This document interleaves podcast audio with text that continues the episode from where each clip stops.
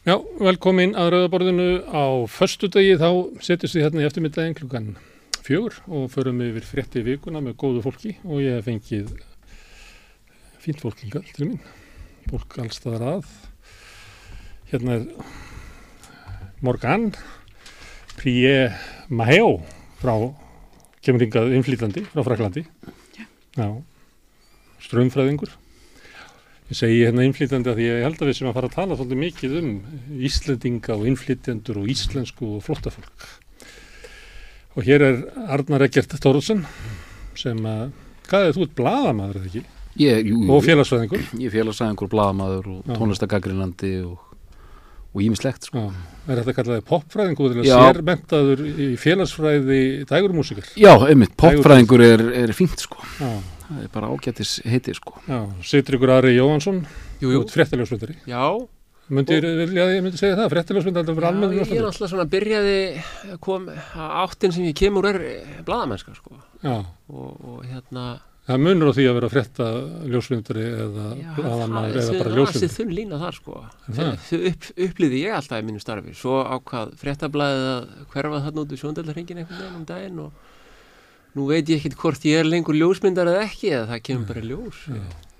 Þú, þetta er náttúrulega degjandi profession Já, já, að vera fréttaljósmyndari. Já, já, þetta er, þetta er eiginlega alveg horfið Þetta er Sæði mér eitthvað um daginn að, að um aldamótin hefðu verið held ég á, á ljósmyndardins mokkan sem við 20 manns, Já. það eru þrýr í dag, Já, já, þetta er svona og eftirspurnin eftir ljósmyndum hefur, hefur ljósmyndum hefur aldrei verið meiri aldrei verið meiri.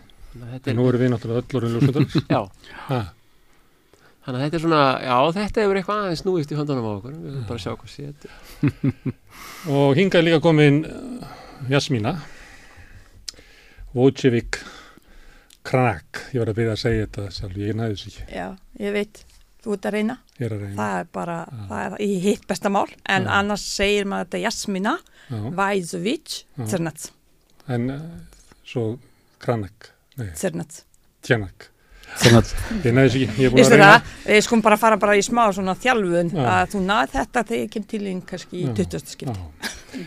Ég er, að, ég er að nefna þetta núna því að ég hef grunum að við séum líka að fara að tala um, um íslensku í samfélaginu og hvernig e, fólk af erlendu bergi talar íslensku. Já, alveg, og það er rosalega mikilvæg punktur En í ég er svolítið umræðinu. að minna á það hvað við eigum erfitt með að bera fram erlend uppstundum. Já, og ég sjálf, Já. þú veist, ég, þú veist, ég er með alls konar hljóð en kannski ekkit öll hljóð þar sem kannski eins og kannski Fraklandi eða, eða Pólandi eða í Mhm. fleirum, þú veist, svona tungumálum, jú, þýsku, ég geti sagt öll hljóð þar að því ég lærið það, en það er öðruvísi framburður á hljóðunum, þannig við þurfum, en ég held þetta skiptir ekkit kannski aðlamáli Þú, veist, held- að fólk reyni. Já, þegar fólk reynir þá er það bara allt í góð en svo sumir ná þessu, aðrir ekki. Ég er ekki náði framburðinu ofta orðum að ennsku kannski, þú veist, en ég segir rosalega oft með svona eins og Íslingar tala með mjúku svona John og meðan ég segi John because, uh, að því það er hérna að því það er hérna í mínu tungumáli nota svona harðara. Þannig þetta getur verið svolítið flókið. og ég lappaði eins og róðugur inn á matsöluna í Háskólu Íslands Já. Hámu. Hámu, hvíti bjargvætturinn sko og hérna saði við pólsku vinkunum mínar sem voru ágreða hvati svona djinguða Mm. og, og fannst ég vera rosa flottur. Já. þá leiðir eitt hún mig sko. Og sagði sko það, þú segir það átt ekki þú átt ekki að bera þetta fram svona. Það bóra fram svona. Og hún sagði nú ætla ég að leiðir þetta þig, þú ert alltaf að leiðir þetta mig. Í þess, þeim skilningi sko. En við konnustu það, við höfum heyrt innflýtjendur vel að tala um það, það er alveg sama hvað þeir segja. Það er eins og oftara þannig, kannski oftast, að Íslandikar heyri ekki hvað fólk er að segja, heldur bara hvernig það er sagt. Já. Það, þú getur að segja eitthvað stórmerkilega hluti á íslensku, Já, en Íslandingurinn hann heyri bara að þú beigðir hann Já. þriðja orði rámt. Kannastu þetta? jú. Ég byrjaði að tala íslensku í fristunda Emili, ég var að vinna þegar ég var eh, Erasmus nemi Já, og ég var að tala með börn mjög einfalt íslensku en það virkaði samt. já, En svo ég var að, spyrja í það kuna sem eh, hétt Anna Já. og ég var alltaf að leita eftir Anna. En fullnánar gæti aldrei skilja það sem ég var að segja for ég þurfti að segja unnu Já. ég er að leita eftir unnu Mhm. en ef ég var að spyrja börn að hjálpa mér að finna Anna, það var allt í lagi. Börnin er náttúrulega í ég- hópi með þér að það er alltaf verið að leiðrétta börnin já, einmitt. Já, en en það er eiginlega í hópi með innflytjum já, svo ég byrjaði að tala einsku með bara stafsmenn og ísensku með börnin. En það, já, En sumir leiða sér ímislegt sko. Ég var í leigubilnum en ekkert fyrir svo löngu síðan bara í vetur. Og hérna, mér var bent á að ég tali 90% íslensku. Já, og 90% það er bara í óspurðum fréttum. Og ég var skömmuð að svara að þetta var ekki nægilega vel gert hjá mér. Borgar Þannig- ekki það bara 90% af það Já, og ég eftir tíu myndur samtal eða eintal uh, svona röfli yfir einhverju sem ég sagði þá var mér bara bent á uh, þá sagði ég uh, að ég væri bara erlendum uppruna og þá bara kom já, ég veit, en það tala þú bara 90% íslensku þannig þeir geti rétt ímynd ykkur ef krögunar eru þannig að ég sé tala 90% íslensku og það þarf að leiðrétta með að gera en mér fannst þetta bara fánralegt og frekar svona fyndi eftir á. En þetta er grátlegt fyrir fólk sem er að reyna að tala. Þá hætti því. Það, þú veist, það, er bara, veist, það er bara þannig. Það er bara svona, þetta er bara eins og veist, þetta er ítrykku hegðun aftur og aftur og aftur og fólk er orði pyrra já, og að þú verður fyrir því Já. sem að talar pína íslensku ég var fyrir því núna í vettur eftir 27 ár og ég tala Já. mjög góða íslensku. Ég getur maður rétt ímynda sér hvernig það er að vera fyrir þá sem eru nýkomin? Nákvæmlega. Hmm. en, það, en það bendi ég vinsam, eða, þú veist, ég bendi á þetta við mannin þú veist, það er bara, þetta er ekki rétta viðhorfi, þú, þú segir þetta ekki. Bara af tillitsemi við Ma- fólk Má ég spyrja því hvernig þetta er í Fraklandi eru frakkar svona nei, ég einu held sinni voru náttúrulega ekki Já. hægt að vera í Fraklandi nema að tala fransku já, ég held en að við vitum að við erum mjög léleg með ennsku almennt Mm. að færa að breytast vegna internet. En við viljum elst sjá að fólk er að reyna að tala Mm. fransku en ég held við erum líka að vunna að eira alls konar hreim. Já, og bara innan Frakland uh, sjálf það er bara stundum skil ég ekki fólk frá Suður Fraklandi til dæmis. Svo og já, ég, við erum með fólk frá löndum í, í Afríku og svona og, og af frönsku, bara ekki alveg sama frönsku. Já, og bara í Quebec tala þau líka eitthvað annað. Og það er bara, mér finnst það gaman já, þetta er bara snýst um hvað eirun eru breið sko, hvað Já. er þólað mikinn frávik já, og til dæmis í stórborgum að þá kemst maður upp með að tala með reym en svo oft þegar maður fer út í svona sveitirnar kannist ekki við personuna í Little Britain sem að skildi aldrei hvað indurska kona var að segja Já, já, mjög gott Íslendingar eru þannig sko. það bara má ekki vera minnsta frávik þá bara Já. hittir þetta ekki inn í heilan sko. Nei, nei, þau byrja að kvolfa augunum Já. og byrja að hérna, koma með hljóð og- og eina fyrir enn er einhver útlendingur uh, sem skilur ekki neitt. Mhm. Að Ég hef alveg þurft að benda fólkinu á að ég fekk afgreyslu og þessi kona talar alveg íslensku. Reyndu að vera tillitsamur og hérna endur taktu rólega hvað þetta segja. Og hún mun aðstofa þig. Mm, og hann gerði það viðkomandi og það var ekkert mál að fá þjónustu já. hún hjálpa honum, það er þetta, þetta er óþólumæði, þetta uh, fólk er ekki til sína nægilega miklu nærgjarni og tillitsemi og grýpur í jafnvel enskuna eða hvað sem er sem er bara ránt þú veist, ég hérna ég sé engan, þú veist það, það fyrir líka náttúrulega hvað stefna er við, við getum alveg hendi íslensku og allir tala ensku sko, þú veist, en, en er það það sem við viljum, það Já. þarf bara að ákveða það. Ég held að líka Íslandingar elska ekki nú vel íslensku. Það er fullt af Íslandingar sem búa í útlanda og kenna ekki íslensku við börnin. mm Og börnin koma til Íslands og geta ekki bara að tala með fjörskildu. Ég, ég hitt fullt af fra, frakkar Íslandingar sem eru í svona stöðu að fyrir koma til Ísland og fyrir alveg útlandingar. Því fyrir geta ekki tjá segja á íslensku. Það er bara svoleiðs finnst mér. Fra, frakkar eru mjög stolt, við erum mjög stolt, bara almennt, stundum allt of stolt og við erum nýlanda uh, fjóð, við erum búin að fara út um allt og við viljum að allir tala eins og okkur. Mhm. En í rauninni með finn, þennan viður. Við erum líka með kannski með auka fólinmæði fyrir uh, bara breytileiki og við erum líka að fagna fjölbreytileika Mm. uh, í Fraklandi, miklu meira. Það er tvent, það er eitt sem er kannski ekki gott en það er líka eitt sem er mjög fallegt. Mjög, ég elska í Fraklandi fjölbreytileika bæði í menning og það er ekki ekta sig af frakar í sjólis, það er alls konar frakar.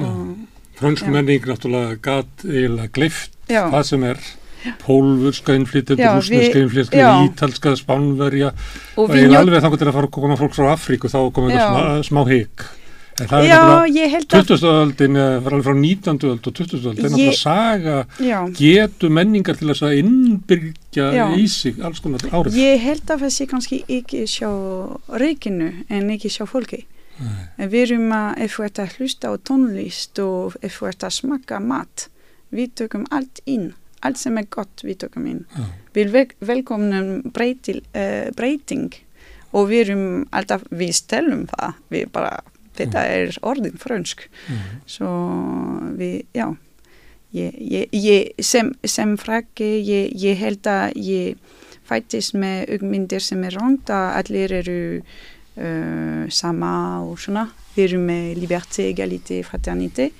En það eru samt, um, vi, vi, þegar við erum að vaksa, við sjáum að það er ekki alveg svo les, en samt við við öldum áfram að vilja svona. Fraternité sem er bara allir er bræður og, og við erum öll eins í rauninni.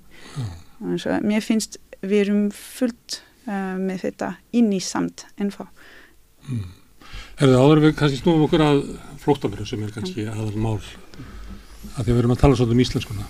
Þá er, hún er búin að vera í fréttum bara með svolítið vaksandi þunga. Já. Bubbi Morten skrifaði í, í, í mokkan og þið kannist við þetta að mikið kvartaði verið því að maður kemur einhver staðar all skilti er orðin heit og fyrirtæki er orðið ennsku, matselarnir eru bara ennsku íslenskan er komið svona niður í annað sæti. Liti, hvað sér það? Eh, það var fegurðara samkeppni haldinn í já, vikunni? Já, já, eða síðustu helgi sem að heitir held ég eða svo sem að var krýnd er þá Miss Universe Iceland eða eitthvað svo leiðis en hún kemur úr því ranni sem að heitir Miss Capital Region held ég eða eitthvað þannig. Uh, og ég veit ekki, en ég ætla nú að vera eitthvað að gera grína þessu sérstaklega þó ég er sér ekki trefin af fegurarsamkeppnum þannig en það, það er einhvern veginn nóðast allt saman þannig sko. þetta er eitthvað afkaralegt alla leið sko. já það er það sem mér finnst ég veit samt ekkit hvað við eigum endla að, að sko, það var erfitt að setja sig upp á móti eh, hérna, áhrifum á tungumálið sko. en, en hérna það er kannski allt í lægi að, að reyna að standa aðeins í lappinnar sko. Ég er ekki erfitt bara Þú erum nú sérfræðingur í svona deglu menningarinnar er ekki, poppið? Jú, jú, jú. það er nú aldeilis uh, útlensk árið þar. Hérna sungum en á ennsku áratum saman og svissur svo skyndilega aftur yfir íslensku. Já, heldur betur einmitt. Og síðan var þetta samhliða einhvern meginn, sungið á ennsku, íslensku. Átni matt hamaðist mikið gegn þessu.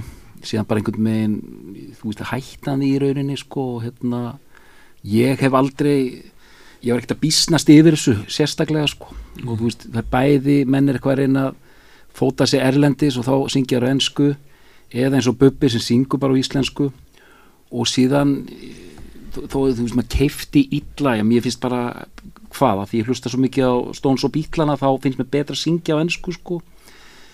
En, en svona en þetta hafa einhver vond áhrif á íslensku, ég veit það ekki. Og hérna, en ég ætla að vera pínu eins og gamall kall að hérna ég væri alveg til að fá fleiri svona vel orta texta á íslensku. Já, það væri vel þegið sko, þetta er svo lítið sko, er Moses Hightower, Prins Pólo Bjartmar, Bubbi en ég væri til að fá meira sko, þetta er alltaf að verða svo einfalt. Og kannski þessi er þetta bara að verða einfalt. Þannig þessi rapparar, þeir eru að rappa á íslensku ekki? Jú, jú, og svona finnst þér ekki vel orð Nei, en þetta er, mér finnst það fínt sko ef þetta er bara svona götumál sko. Og hérna, og þú ert bara að segja eitthvað og, og ert pínu sniður skilur, þetta sé ekki bara hérna þú veist, hérna ég og þú og hérna heim í geim og eitthvað svona sko.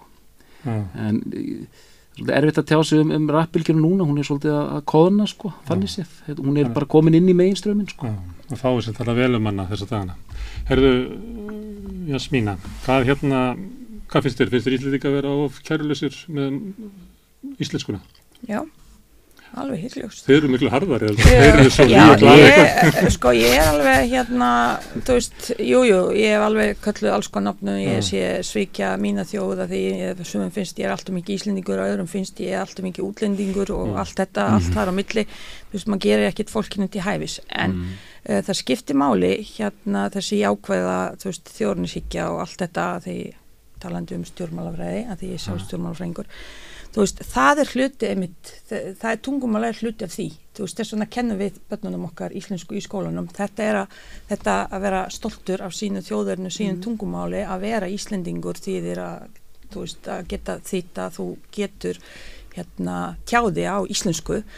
Og fyrir mig sem útlending, uh, ég hefði ekkit vilja snúa við og, og, hérna, og læra fyrst ensku og svo íslensku eða öfugt, það sem er meskilst að sé gert mikið af því í dag, mun meira heldur á þeim tíma þegar var engin kennsla í íslensku því ég kom til Íslands og þurfti að læra tungumáli bara sjálf, bara einn og gerði það.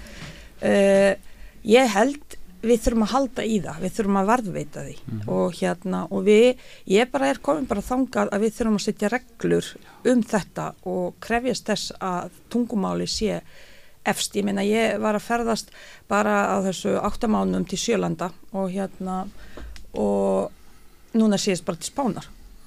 Ég meina mér er bara réttus matsegil og spænsku.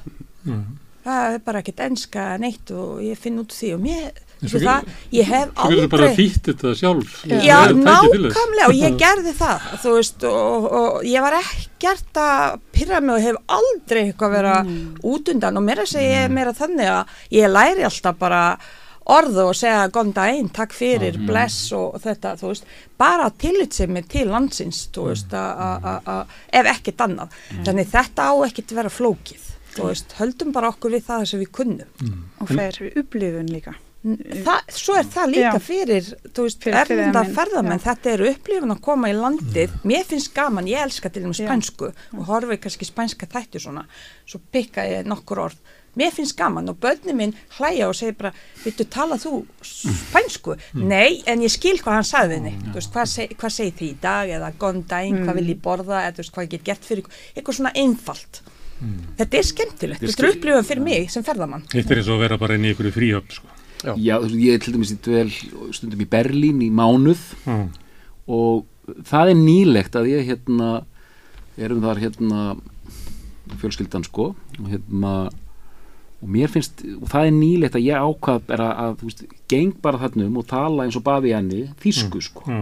tekum við svona einn, tvo daga að ná taktinum sko og þú getur ímyndað þér að ég er besti vinur allra vertana þarna sko, að því ég bara, bara ég bara keira á þetta sko.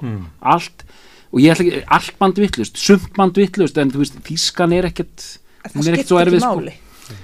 þú Og- reynir, það er það sem fólk kann að meta þú reynir stuð Mm. En að því að við erum að fara að tala um svona flóttamenn og svona, get, uh, upplifið það ekki þegar að vera að tala um íslenskuna og hún sé ekki að eftir og það sé ykkur hörnun í samfélaginu, að þarna gæti orðið til eitthvað svona jarðufugur til þess að raunverulega vera að tala niður innflytjendur, skadlega árið innflytjenda á Íslands samfélag. Því að það er ekki, stundum er ekki alltaf ljós, sko, hver er það sem er að skemma íslenskuna? Er það þeir sem er reyka ferðarskristofu fyrirtækin, er það ferðamenninir, er það allt og mikið að innflytjendum þetta, eða hvað er það sem veldur því að fólk eru svo tilfinningu að íslenskan sé að gefa eftir? Allt svo að innflytjendur hafi áhrif á hnignun Já, ég segi, ef við erum að tala um íslenskuna, ef við erum að venda íslenskuna, Já. að þá er svolítið kannski að færa sér bara aðeins til að þá ertu komin yfir ykkur svona þjóðurnisremping, já, já, ja, þetta er- fyrir að venda hana Já, fyrir kannski eins og þessum konum, að þau skemmi ekki íslenskun okkar. Þetta er náttúrulega bara E- Áttist það ekkert í þessar umræðu að hún gæti farið út í eitthvað svona móa? Íslenskan er náttúrulega bara verkfæri okkar sem að notum hana er það ekki sko. Já. við berum ábyrð á þessu á meðan við tölum hana. Við á við öll sko. og hérna þessin eru þetta ég, ég, mynd, ég held að það sé frálegt að, að halda þið fram að einhver minnlutahópur sem að hérna er að venjast tungumálun okkar eh, byrja einhver ábyrð þannig Þa, það erum við hinn sem að skýrum vatnið okkar einhverjum skrítnum útlensku nöfnum og eitthvað svona sem að berum ábyrð á þessu sko. og, og Rúmfattalagarinn verður það. Já, eitthvað svona, ég veist að hann aldrei fyndið en, en, en svona, ég, er, að, að, ég ætla ekki að nýta í einhver, einhver, einhver ákveðna en þetta, við sem að erum hérna henni stóru nótendur sko, Mm. við ráðum þessu held ég sko. Það, ég vildi líka segja, það er svo erfitt með þessa línu, nú, nú, nú svona, eh, skrambans enga framtakið, sko, að hérna geta sett línu, þú veist, ferðast um allt Ísland, kemur við einhverjum veitingastöðum og þetta er allt út um allt, skilur. Stundum er þetta á ennsku, stundum er þetta á íslensku og svo framvís. Ég er auðvitað, eins og sést þinn á skekkinu, sko, ég er alveg til í, sko, bara, ég er alveg til að sjá bara ordur alveg ofan og hafa þetta bara svona, sko. Mm. Og, en það er líka hægt að setja, ég fór til Grænlands, fór inn á þjóðminnarsafnið á Grænlandi það var alltaf grænlensku fyrst síðan á ensku Mhm. punktur sko. Engin danska. Ég var mjög ánægð með það sko. mjög. Já, þetta er alveg, þetta er, það þarf að finna sko, það auðvitað er náttúrulega hefur þetta áhrif, þú veist, þetta eru breytingar og það þarf að, eins og þú segir, finna þennan milliveg, hvernig við náum. En það sem er, þú veist, og ég held sér alveg sammála líka hérna að það, þú veist, við getum ekki kent einhverjum öðrum þegar við sem búum hér og erum hér og tölum íslensku, þú veist, þegar ítrekka uh, kemur fram, bara maður les rosalega oft fréttir um að fólk með dökkhörund þú veist, það er allt í einu, þú veist, Íslendingar þú veist, bú, bú, fætt og eða jafnvel búa hérna, bara allt í einu fólk er fram tala við það íslensku, það erum við eða hérna ensku, þú veist, það erum við. Við gerum bara ráð fyrir að þetta sé akkur byrjum við ekki bara að gera ráð fyrir að allir tali íslensku? Og ég byrja alltaf frá íslensku. Um leið, ég sé fólk að svara mér á ensku skiluru, maður fer náttúrulega líka á veitingastæði og allt þetta. Þú veist, uh, ef hún skilur ekki þá, þú veist, þá segi ég bara ennsku, annars notið ég bara íslenskuna og segi bara takk fyrir og allt þetta.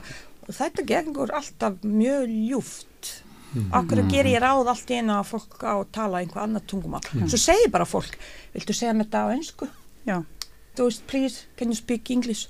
Þá, þú veist Já. en þanga til, það Já, þarf já. ekki nota en við einhvern veginn hlaupum bara einhvern, einhvern veginn bara svona að létta undan sem við eigum Mm. ekki að gera En vantar samt ekki stór átak í að, að kenna fólki íslensku. Það eru 80% landsmanna eru erlendir ríkisborgar. Mm. Mm, Fleiri sem eru orðnir íslenski ríkisborgar og eru Mhm. erlendum uppruna. Þetta hljómar eins og það þurfi bara rísa átak í íslensku kjenslu því að ég hef nú talað við innflytendur og það er eiginlega mjög erfitt að ná að læra íslensku að Já. það er mjög takmarka aðgengi, örfáðu tímar, allt og stutt nám, maður Já. rétt læra að vera svona En ég held að það vantar bara tækifæri til að æfa. Ég, ég fór mjög snemma í, í námskeið en það er ekki nú að fara í námskeið ef þú getur ald, aldrei.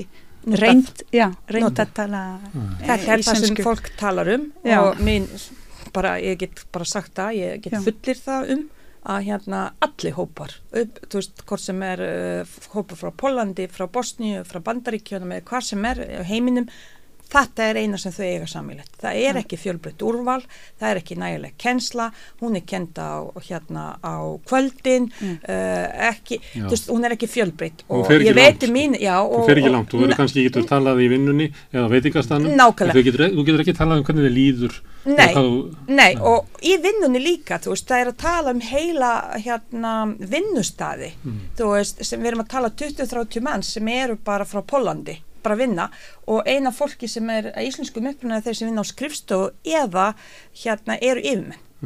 Þannig, og tilgangurinn, þau sjá ekki tilgangur að læra þegar þau geta, þú veist, bjarga sér. Veist, þannig að það er, það er líka eitthvað svona og ég veit það hefur verið ræði, ég veit ekki hvort hérna hefur komið fram hvort það þarf að setja einhver kóta, þú veist, hvað með að vera margi innflytjendur í hverju fyrirtæki til að einhvern veginn ná hérna, náð, þú veist, náð að brjóta þetta upp að fólk sam, eh, blandist, skilur við, þannig við náum hérna einhverju svona breytingum, uh, ég veit ekki hvort sér rétt að leiðin, en þú veist, það þarf að hugsa út fyrir boksið Og, og svo er annað, það er móðumáli, við leggjum rosalega mikla áherslu á móðumálið að meðan Kanadamenn til dæmis leggja ekkit eins mikla áherslu á móðumálið heldur hérna að læra tungumáli landsins sem er eins og í kjúbyggsvæðinu það er franska og svo enska á einhverjum öðrum stöðum. Það er, þú veist, það er aðra aðferðir, þannig það er spurning hvort við sem bara först í einhverju sem bara virkar ekki en erum samt ekki tilbúina að því við horfum oft á Norðurlanda þú veist, virkar þetta þar, þú veist, en ef þetta virkar svona í Kanada vel og, og eða einhvern öðrum löndum, við þurfum að taka það upp. Og ég held það líkur líka hérna ákveðin svona vandi eða áskorun að geta breytt til og segja herðu stopp, þetta virkar ekki. En það er ekki við, þá er það stjórnmálamenn sem þurfa að búa til stefnu móta hana og taka ákvarðanir fyrir okkur þess, til þess eru þeir. Og síðan gera stopnarnir að setja innlegging og, og kolla kolli mm. þannig hérna þannig við skulum bara sjá til, en svo er það líka við skulum líka að hafa það í huga við erum til dula nýjus við munum þróast mm. í rétt átt vonandi. Mm. Þetta getur skánað Já. Herðu, en það var ekki, það er ekki allt sem skánar. Það voru komi í ljós núna fyrir réttri viku að breytingar á, á inflytjenda eða, eða hælisleitenda stefnum stjórnvalda sem að leitu til þess að 50 manns var hengt út á götu. Eh, Morgan, þú ert í, í félagi sem Já. heitir Réttur barna á flotta. Já. Þannig að þú hefur runnið í þessum málum, Já. að, eh, aðstóða flotta fólk. Við erum aðalega að stóða börn á flota og, og fjörskildu fyrra og það hefur verið bara vandamál yfir allt sumarið þar sem fólk eru um, neitað þjónustu. Uh, það er fyrst og fremst veru ek ekki lengur með kort til að borga fyrir mat og bara bleiur og svona Mm. og fyrir líka að fá skilabúða að bara úsnæði verður líka lokað. Mm. Svo það er, við eru ekki í, alveg í sama hópen uh, fullorðnar, við þurfa ekki að skrifa undir uh, bref að það mun, myndi loka innan fr- 30 daga en það gerist samt Mm. og við hefum fört að finna penning til aðstóða fyrir með mat og bara allt sem far fyrir ungbötna Mm. og það hefur Fólki hættir að fá aðstóð, en það er ekki með kennitölu, já, getur ekki leikt, getur ekki farið í vinnu. já fyrir neitað neitað vinnuleifi Mm. oftast frátt fyrir að vera stundum með vegabref sem um, ætti að lifa fyrir að fá atvinnuleifi uh, já, svo fyrir geta ekki standa fyrir sig en fyrir, já ne neita aðstóð og núna það er tala hver ber ábyrð fyrir þau bara við berum öll ábyrð fyrir fólk sem eru í neyð. Mm. það skiptir ekki máli ef það er ríkið eða uh, borg.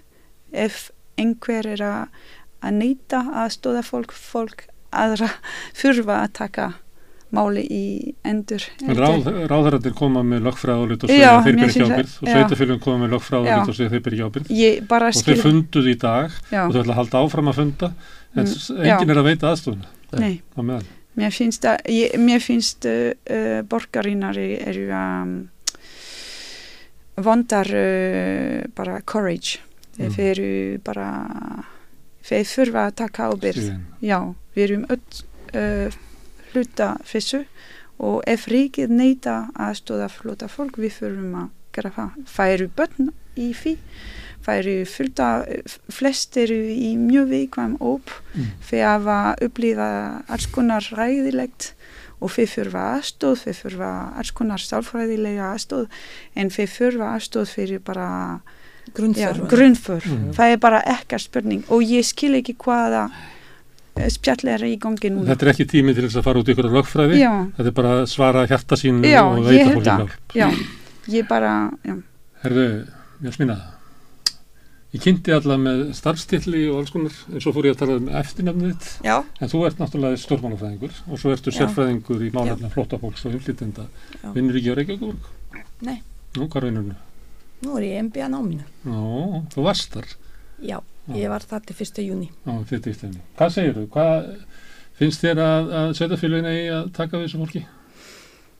Hætt að skila svo bak við lögfræði? Vistu það, ég þarf bara, ég þurfti telja núna að Já. ég get bara öskrað, að ég er svo óbáslega reið.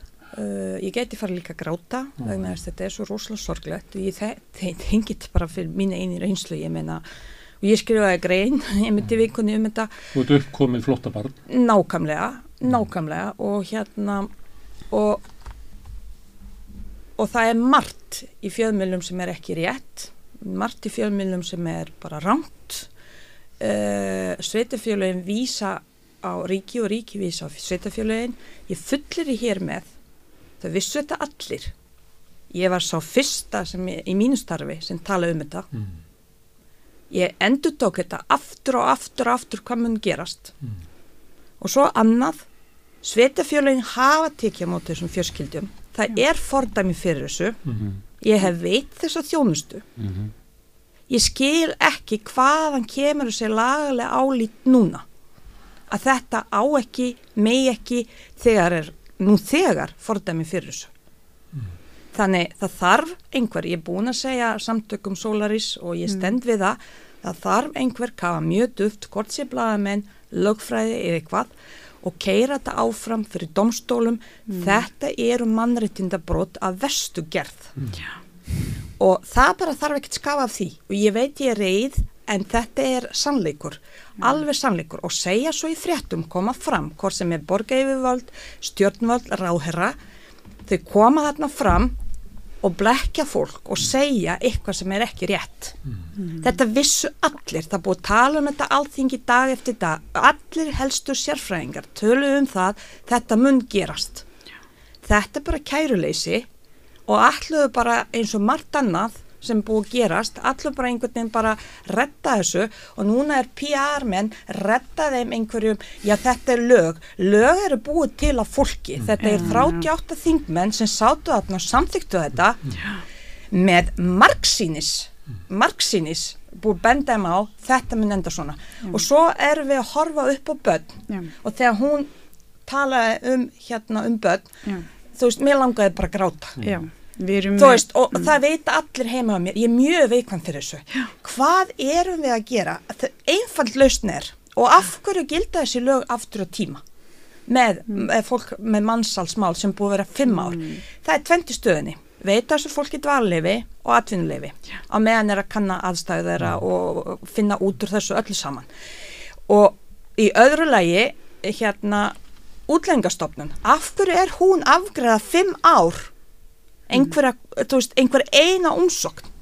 Þetta er rámt það þarf að fá fólk fjármagn til að afgreða þetta á, á bara no time þeir sem eiga ekki rétt samkvæmt einhverjum hérna allþjóða lögum sem er farið eftir og öll ríki.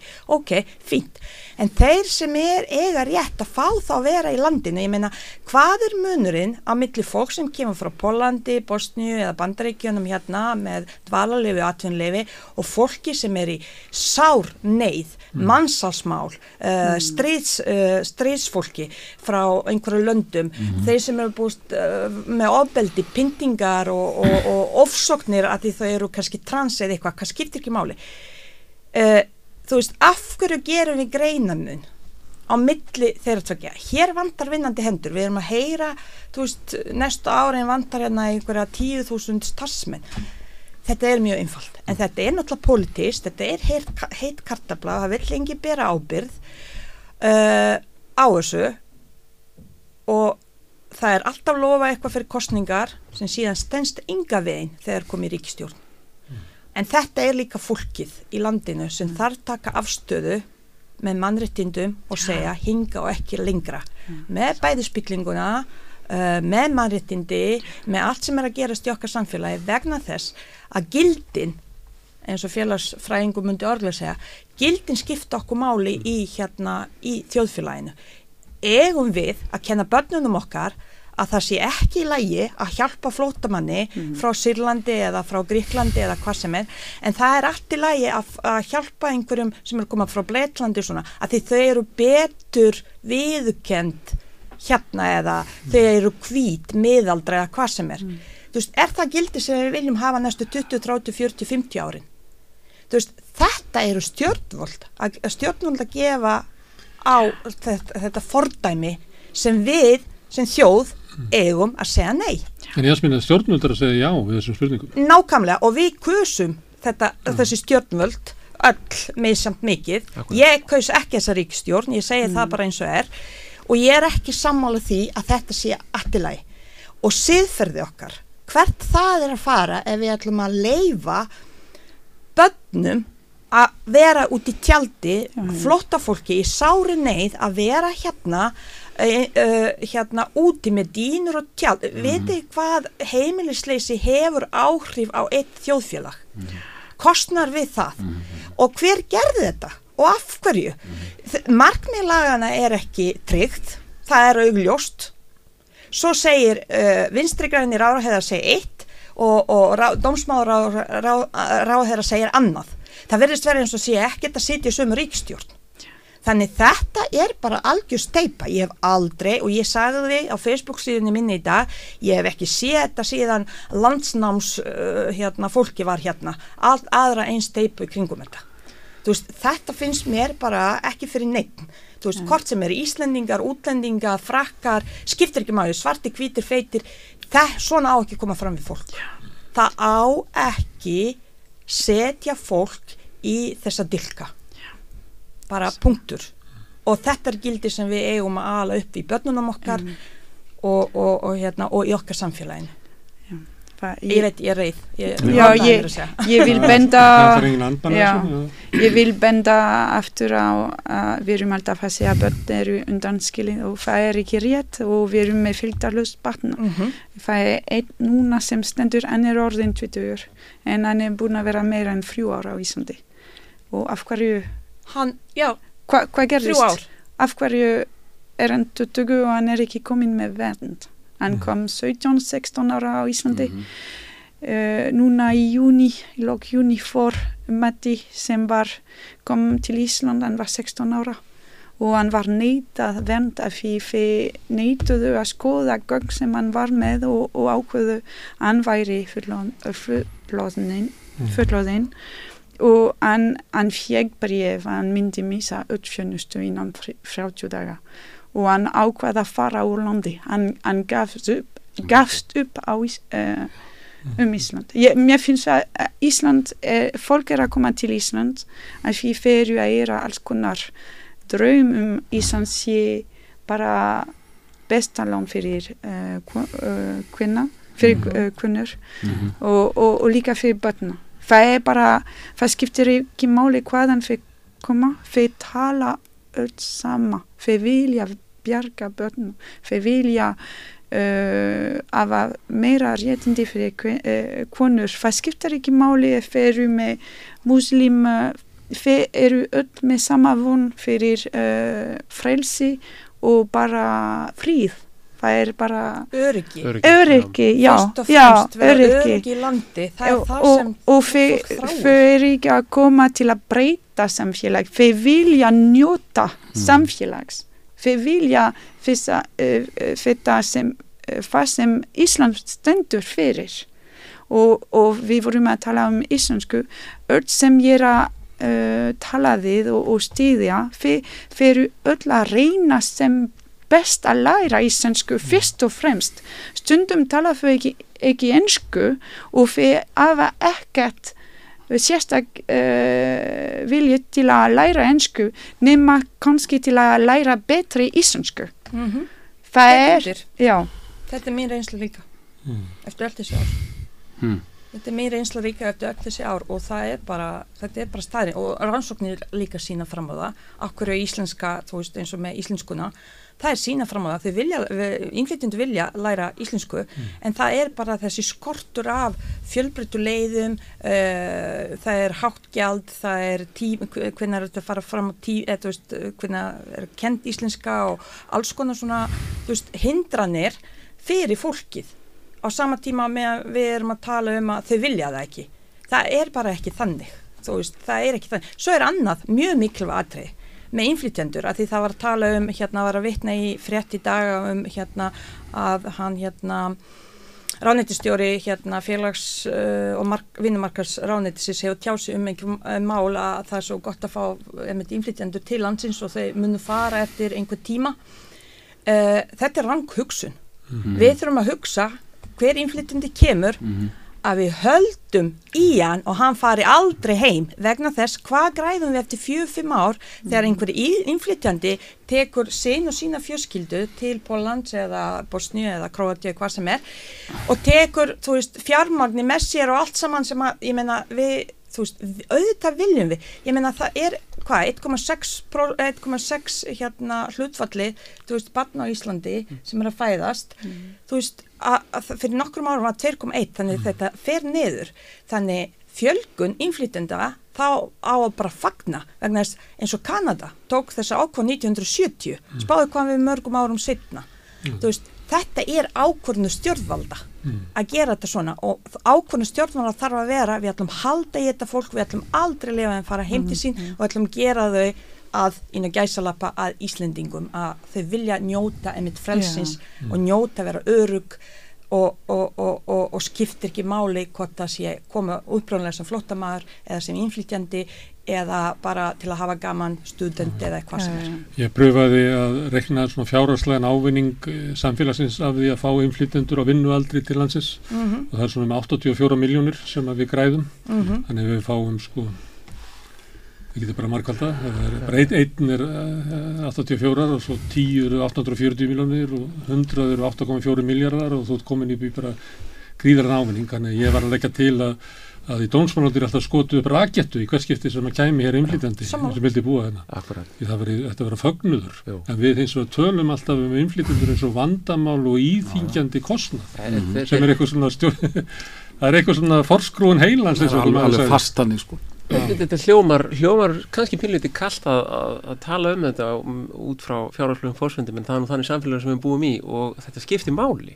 Og það er algjör styrlun að, að hlusta á akkurat þennan málflutning að þessi fólk sé einhvers, einhvers konar bakkar á samfélag það er þannig að maður við eigum ekki efna á því að taka það- það- fólki. það- þess vegna var ég að leika Ég mér er, að ég, því er, ég er að segja það á sko, að við, hérna, við sittum um í samfélag sem er fámennt og við strögglum við að, að halda úti grunnþjónustu, alveg á mörkunum að ráðum við að hafa heilbreyðiskerfi og það er alveg ein örug leið sko, til þess að, að hérna laga þetta, það er að hafa fleira fólk hérna, það er alveg, það er alveg örugt mál sko.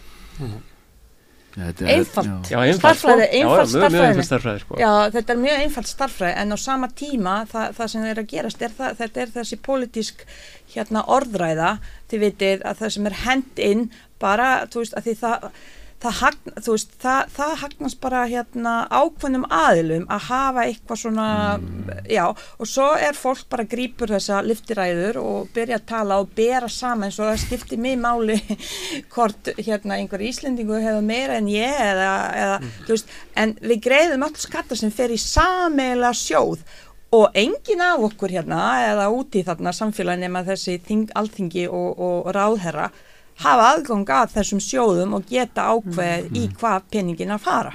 Þannig, þannig við veitum þetta alveg. Þetta er bara líka einfalt en það verðist verið eins og fólkstundum kveikir ekkit á og halda á sér græð eitthvað því að setja fólk í einhverja dilka að hópa og, og skilgræna okkur einhvern öðruvísi. En ég hef alltaf sagt við erum fyrst og fremst mennsk og í öðru lagi innflytjendur, flotta fólk, það er ekki vandamál, það eru tækifæri og við þurfum að nýta það. Arnar, akkur Já. er, eru stjórnmjöldu við þessa stefni?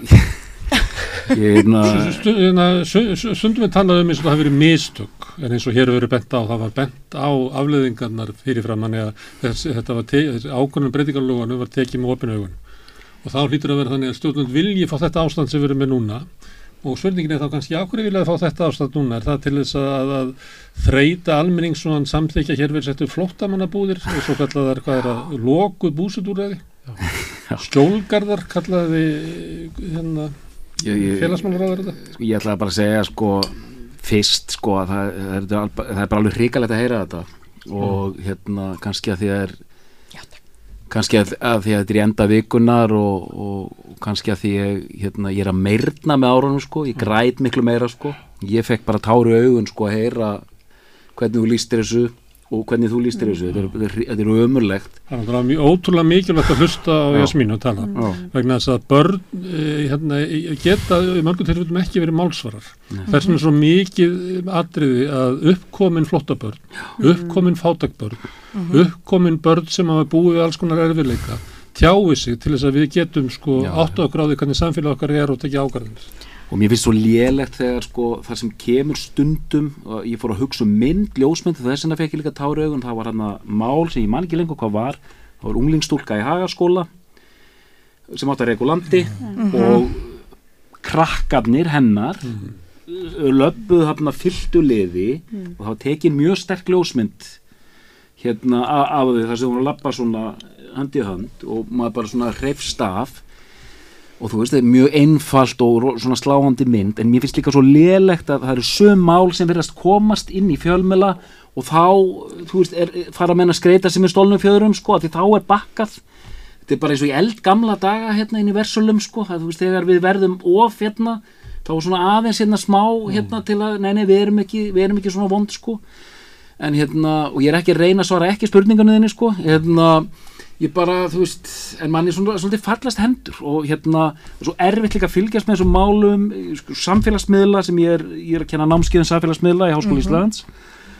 Hvernig þessi þetta, þú veist það einhvern veginn maður græði svo lítið því líka fylgjast með umræðinu þar, þetta er þetta alltaf sama þú getur tekið umræðina þar. Hún þróskast ekki. Hún þarf, ég, einmitt, þetta er bara copy-paste undanfærin 20 ár.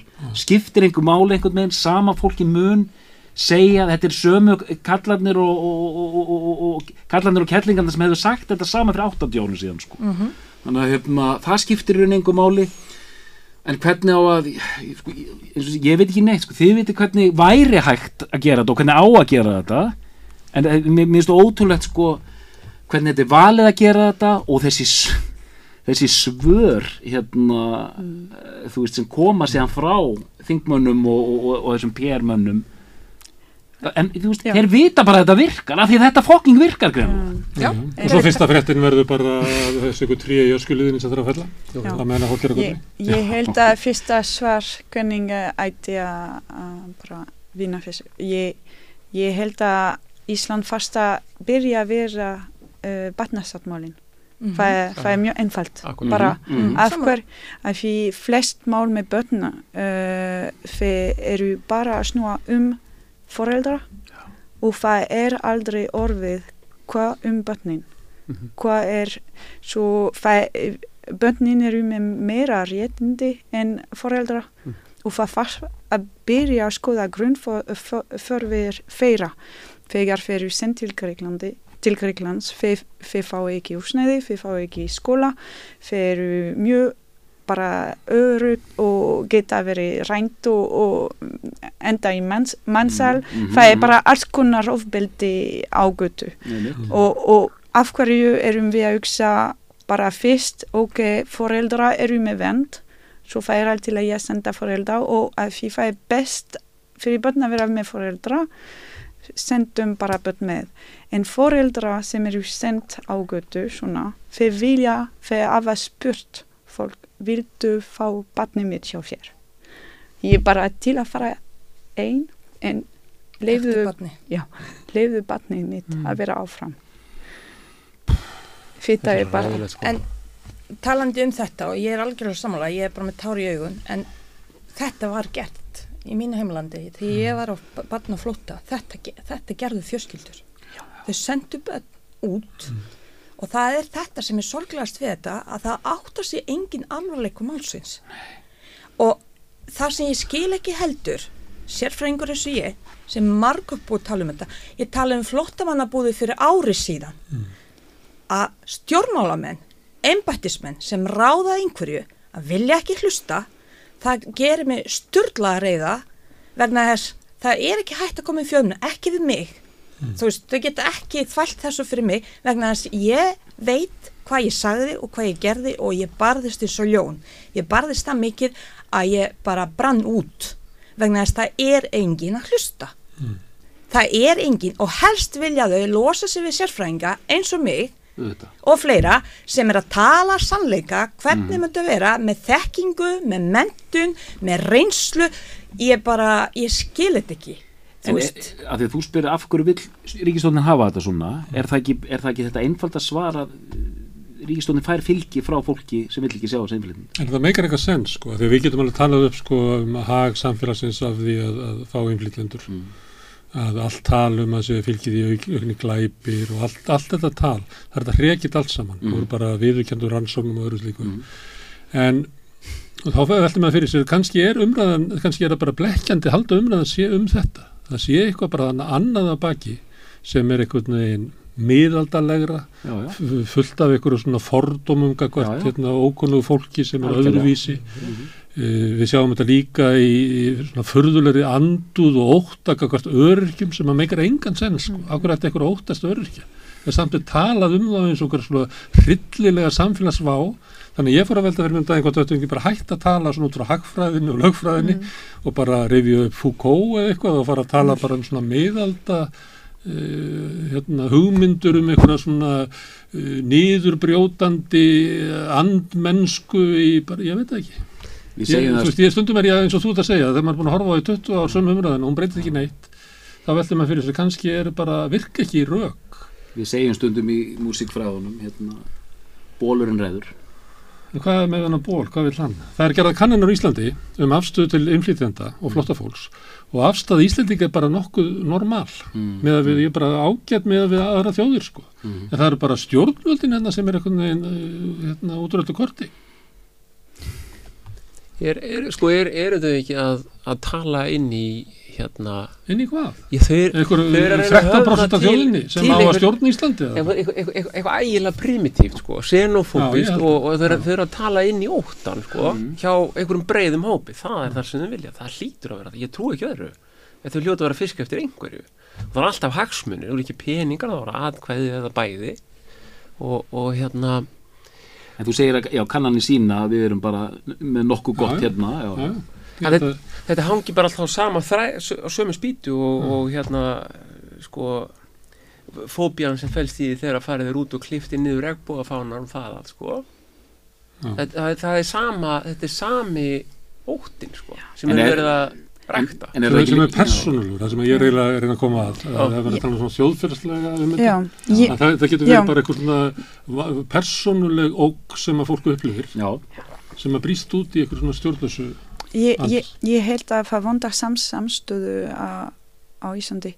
Um, í Fraklandi við erum með mjög léleg ríkistjórn var, eh, varðandi flota fólk en við erum með bara sögu af samstöðu og það eru bara uh, borgarleg samstöðu. Fólk eru einfallega að fá fólk eima sjá sér til að FIF eru að missa úsnæði uh, fyrir að opna ús sem eru tómt til að, að fá fólk inn og bara fyrir að brjóta lög í Mhm. rauninni til að uh, ísta fólk og, og borg eru líka að taka skref að leifa fólk að nota tómt úsnæði það er alls konar sem er gert og það, er, það vandar líka í vekka líða uh. Eimi, já, Já. það vandar samstöðu uh, fólk sem eru í svona ólöglegu stöðu þeir þurfa að lífa af og, og það er bara svona byrja fræhald uh, fræhald Vi, á Íslandi er mikið fræhald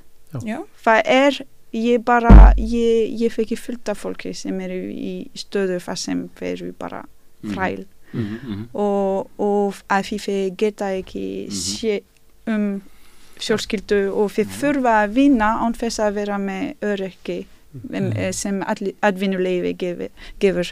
En hver er búin að mótmæla til að gefa réttindi til alla, fyrir alla uh, verkamenn?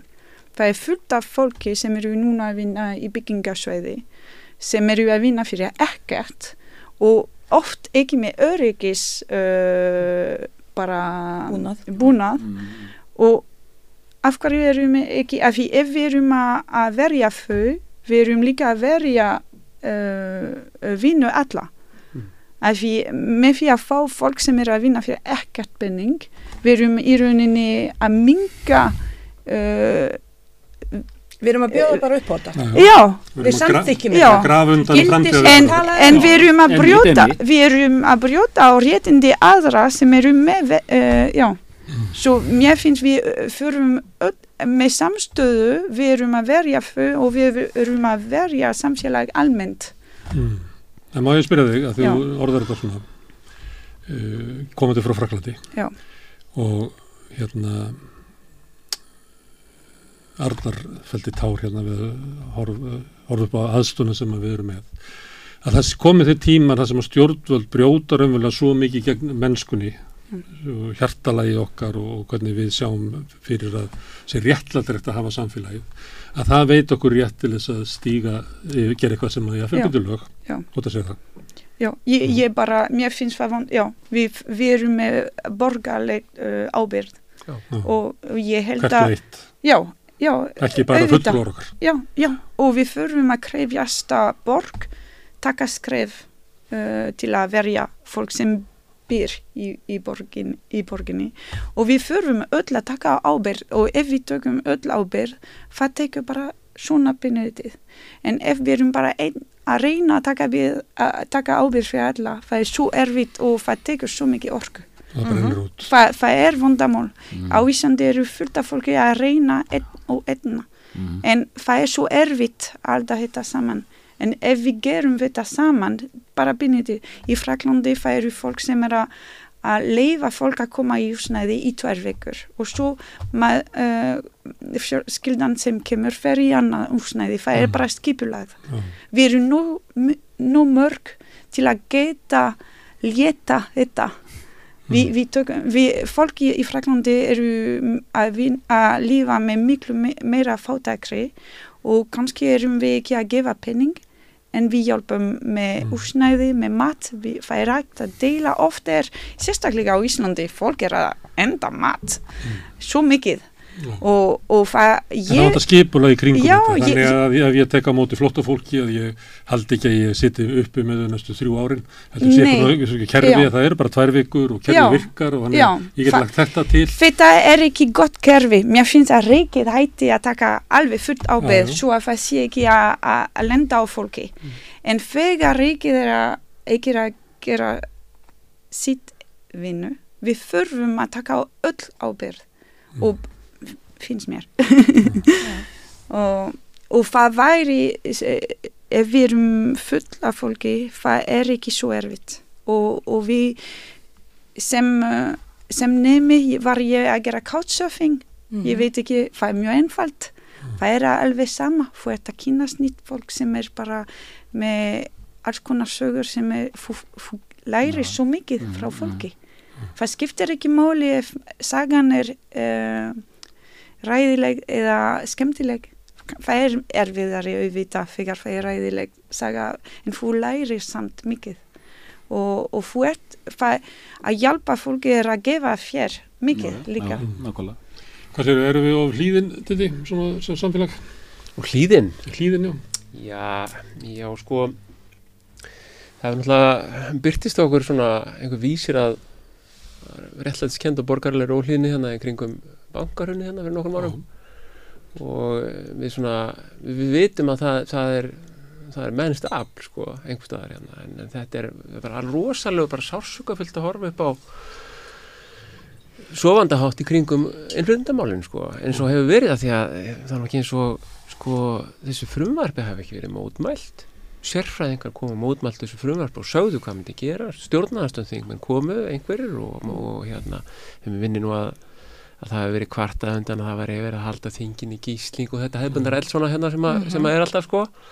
Og, og svo var bara frumvarfi afgreitt og einhvern veginn Þorður Sunna var hérna í gær hjá mér í í Vitali og hún var að, ég spurði hann um, um hennan tíma vegna þess að á endan þá sátu bírætlanir svolítið einir uppi með málið. alveg já, já. Og hún sagði að komið sér svolítið óvart að aðri flokkar hefði ekki fyllt þeim með.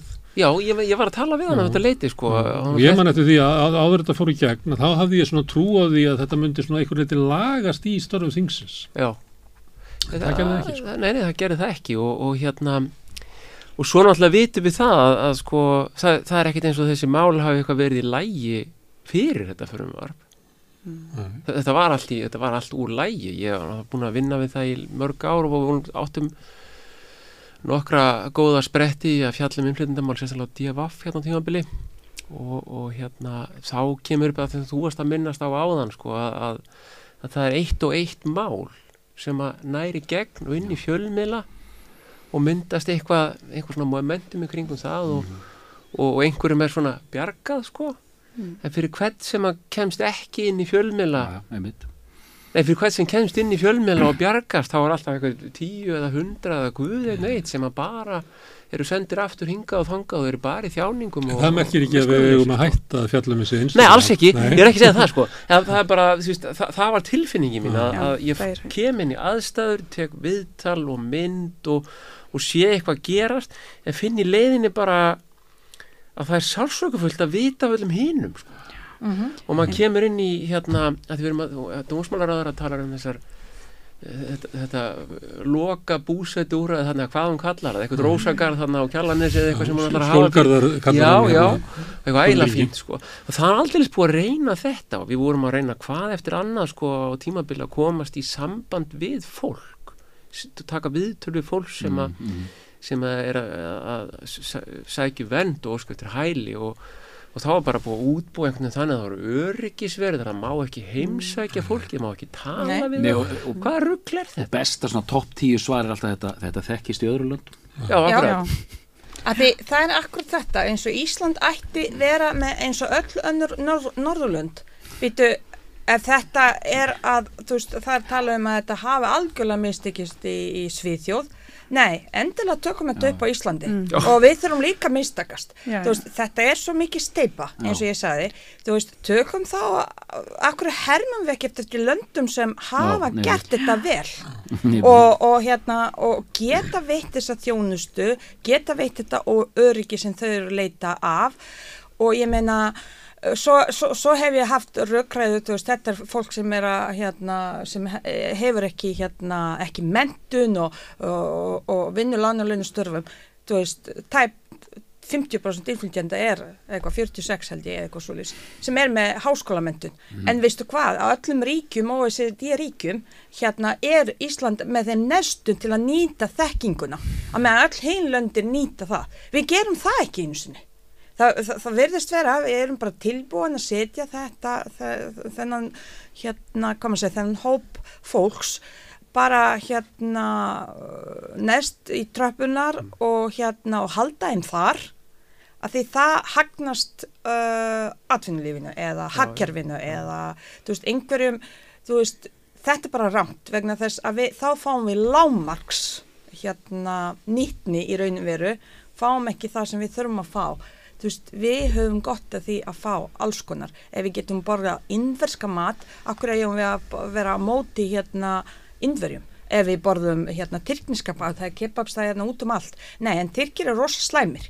Af hverju, þú veist þa það er þetta, þetta er eitthvað, eitthvað búið til einhverju svona staðalýmyndir sem passar ekki Nei, setja miljón manna undir sama hatt veist, er bara við erum ekki eini í heiminum á Íslandi. Það er talað um þessi mál út um alla Evrópu og það má sjá bara tildulega hraða sviblu yfir til svona ultra hægris. Mhm. Það eru þeir sem að vinna kostningar eh, þessi missurinn í Evrópu eru flokkar sem að eh, stilla innflytjendum upp og flóttafólki upp sem óvinnum ríkisins. Það verið Ítalíu, Svíþjóð, Finnlandi. Mhm.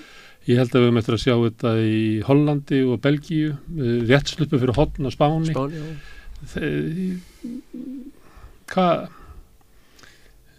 Þannig að þetta, þetta, þetta, þetta er stórt mál. Við höfum kannski eitthvað sem að missa Já, bara eiginlega svona mótun samfélagsins ekki bara á Íslandi, heldur bara í Evrópu, eh, í eitthvað svona mjög undarlegan farveg En eh, spurning er... Um, í Fraklandi. Já, er í, hérna, í Fraklandi, það er bara fólk eru að fara ekki í kostning bara, er, við erum ekki með val sem endar og kostningar eru ekki að gefa tækifæri fyrir nýtt flokk að koma upp. Svo fólk eru bara ekki að fara að kjósa. Það fyrir ekki að, æri er að, fara upp.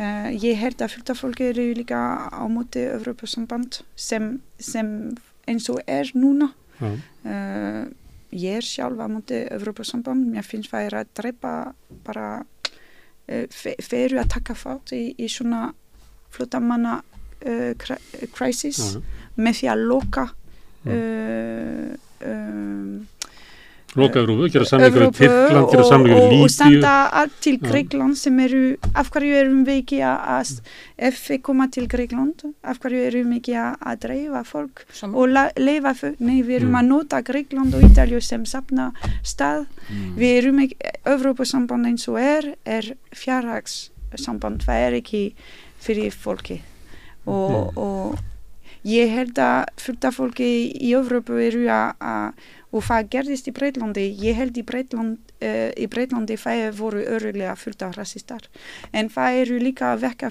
vekja fólk sem er, skilja ekki hvað er að gerast Mm. og, og, og, og bara vilja ekki lengur hvað sem er að gerast Já. uh, í, í Fraklandi uh, er að það er fullt sem, sem vilja fara út sem er ekki að móti innflytjandur þeir bara vilja ekki að stórfyrirtæki njóta bara Rúmaníu sem uh, stað til að vinna og dyrt og borga ekkert og svo flytja inn án þess að borga skatt í Fraklandi fyrir að tæma lönd Mhm. frá bara tækifæri til að vinna Mm. og með því að setja skatt í kring við er rægt að halda vinna inni og ég held að það sé að minnstakosti fullt af fólki sem eru að hætta að kjósa vegna þess Mm.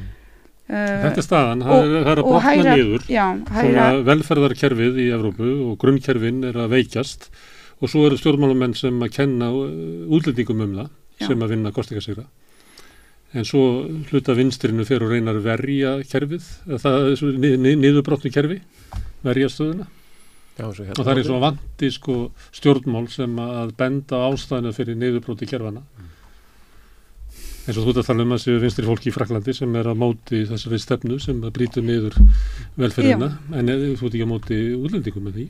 Nei, það, er píniti vandamál það, Evrópa samt er fallegt augmynd mér finnst að, Mm. að það, er som, það er gott að alltaf uh, það er að hjálpa með Erasmus og það er konar sem er og fyrir að nota þetta eh, á meðan fyrir að, uh, að býðja uh, spítala að vera enga, enga spítala allstaðar Mm. fyrir þurfa enga vatna, aðgangi vatna, aðgangi ramang, aðgangi samgöngur, allt sem var uh, opinber í Fraklandi er að fara í enga sveiði, allt er að vera mjög dyrt og vinnan er að fara úr landi.